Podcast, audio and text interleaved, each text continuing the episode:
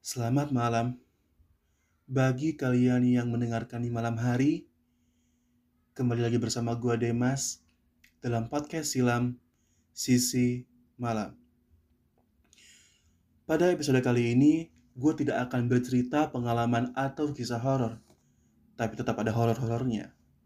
Ya, pada episode kali ini, gue akan mengucapkan rasa terima kasih gue pada radio-radio yang gue anggap ada kontribusi secara tidak langsung. Radio-radio yang akan gue ceritakan nanti adalah sebuah bentuk apresiasi dari gue, karena berkat radio-radio ini, gue bisa menjadi seperti sekarang, atau lebih tepatnya, menjadi podcaster horor. Namun sebelum mulai, seperti biasa, langkah baiknya, marilah sama-sama kita panjatkan doa untuk orang-orang yang telah pergi mendahului kita, baik pergi dengan keadaan damai maupun dengan keadaan tragis. Berdoa dimulai.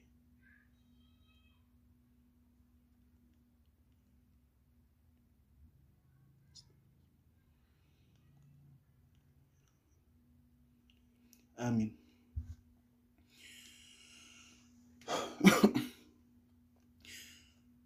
Berawal dari SD, SMP, SMA, sampai sekarang, gue suka mendengarkan siaran horor malam Jumat, baik di radio maupun di podcast. Bahkan sejak SMP, impian gue sejak SMP itu ialah ingin membawakan program siaran horor di radio. Dan muncullah sekarang dengan podcast silam sisi malam. Diawali dengan Nightmare Story dari Pop FM. Nightmare Stories Pop FM adalah radio pertama kali yang gue dengarkan yang mana pada saat itu kalau nggak salah umur gue sudah masih kecil ya SD dan gue suka mendengarkan radio itu bareng sama keluarga gue setiap malam Jumat. Dan itu sangat kerasa sekali eh, vibe horornya. Karena menurut gue itu adalah hal yang berkesan pada saat itu. Di mana kita sekeluarga mendengarkan cerita horor dengan melingkar di ruang tamu dari jam 10 sampai jam 12 malam. Momen yang paling berkesan ialah agak sedikit lucu karena uh, pernah suatu saat kita lagi dengar bareng dengan kondisi lampu dimatikan dan saat radio habis tiba-tiba semuanya tertidur dan cuman gue doang yang masih bangun namun itu seru itu momen yang gak pernah terlupakan di Pop FM juga ada sebuah cerita menarik yang mungkin akan gue bawakan di episode selanjutnya. Di mana penyiar ini mendapatkan telepon langsung dari MG atau makhluk gaib. Miske. Yang mana pada saat itu gue juga pelaku sebagai orang yang mendengarkan langsung gue sangat excited. Dan itu bakal gue bahas di episode selanjutnya. Kedua Mystery Night MS3 FM setelah dari Pop FM yaitu Nightmare Stories dia vakum programnya vakum karena mungkin satu hal ditelepon langsung oleh si Miss K ini. Mungkin sejak itu langsung berhenti programnya. Dan gue beralih ke Mystery Night MS3 FM dan ini adalah radio yang menurut gue berkesan juga gitu. Lagi-lagi gue mendengarkan radio ini bersama keluarga. Biasanya yang mendengarkan itu adalah gue abang gue adik gue dan nenek gue kita tuh suka banget setiap malam Jumat mendengarkan radio-radio horor. Di Mystery Night ini dia berbeda. Dulu Mystery Night sorry, dulu Mystery Night ini dari jam 10 sampai jam 11 malam itu adalah cerita horor atau menceritakan pengalaman-pengalaman orang gitu. Dari jam 11 sampai jam 1 malam itu adalah momen yang paling super super wow. Di mana dari jam 11 sampai jam 1 malam itu adalah sesi ritual. Dan gue juga ikut dalam ritual itu. Dan ini bakal gue ceritakan nanti di next episode. Radionya masih ada kayaknya masih sampai sekarang.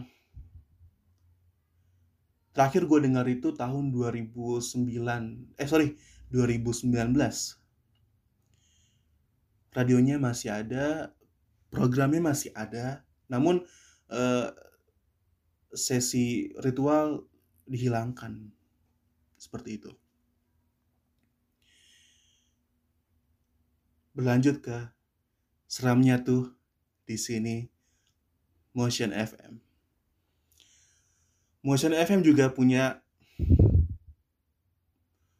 segmen yang bagus.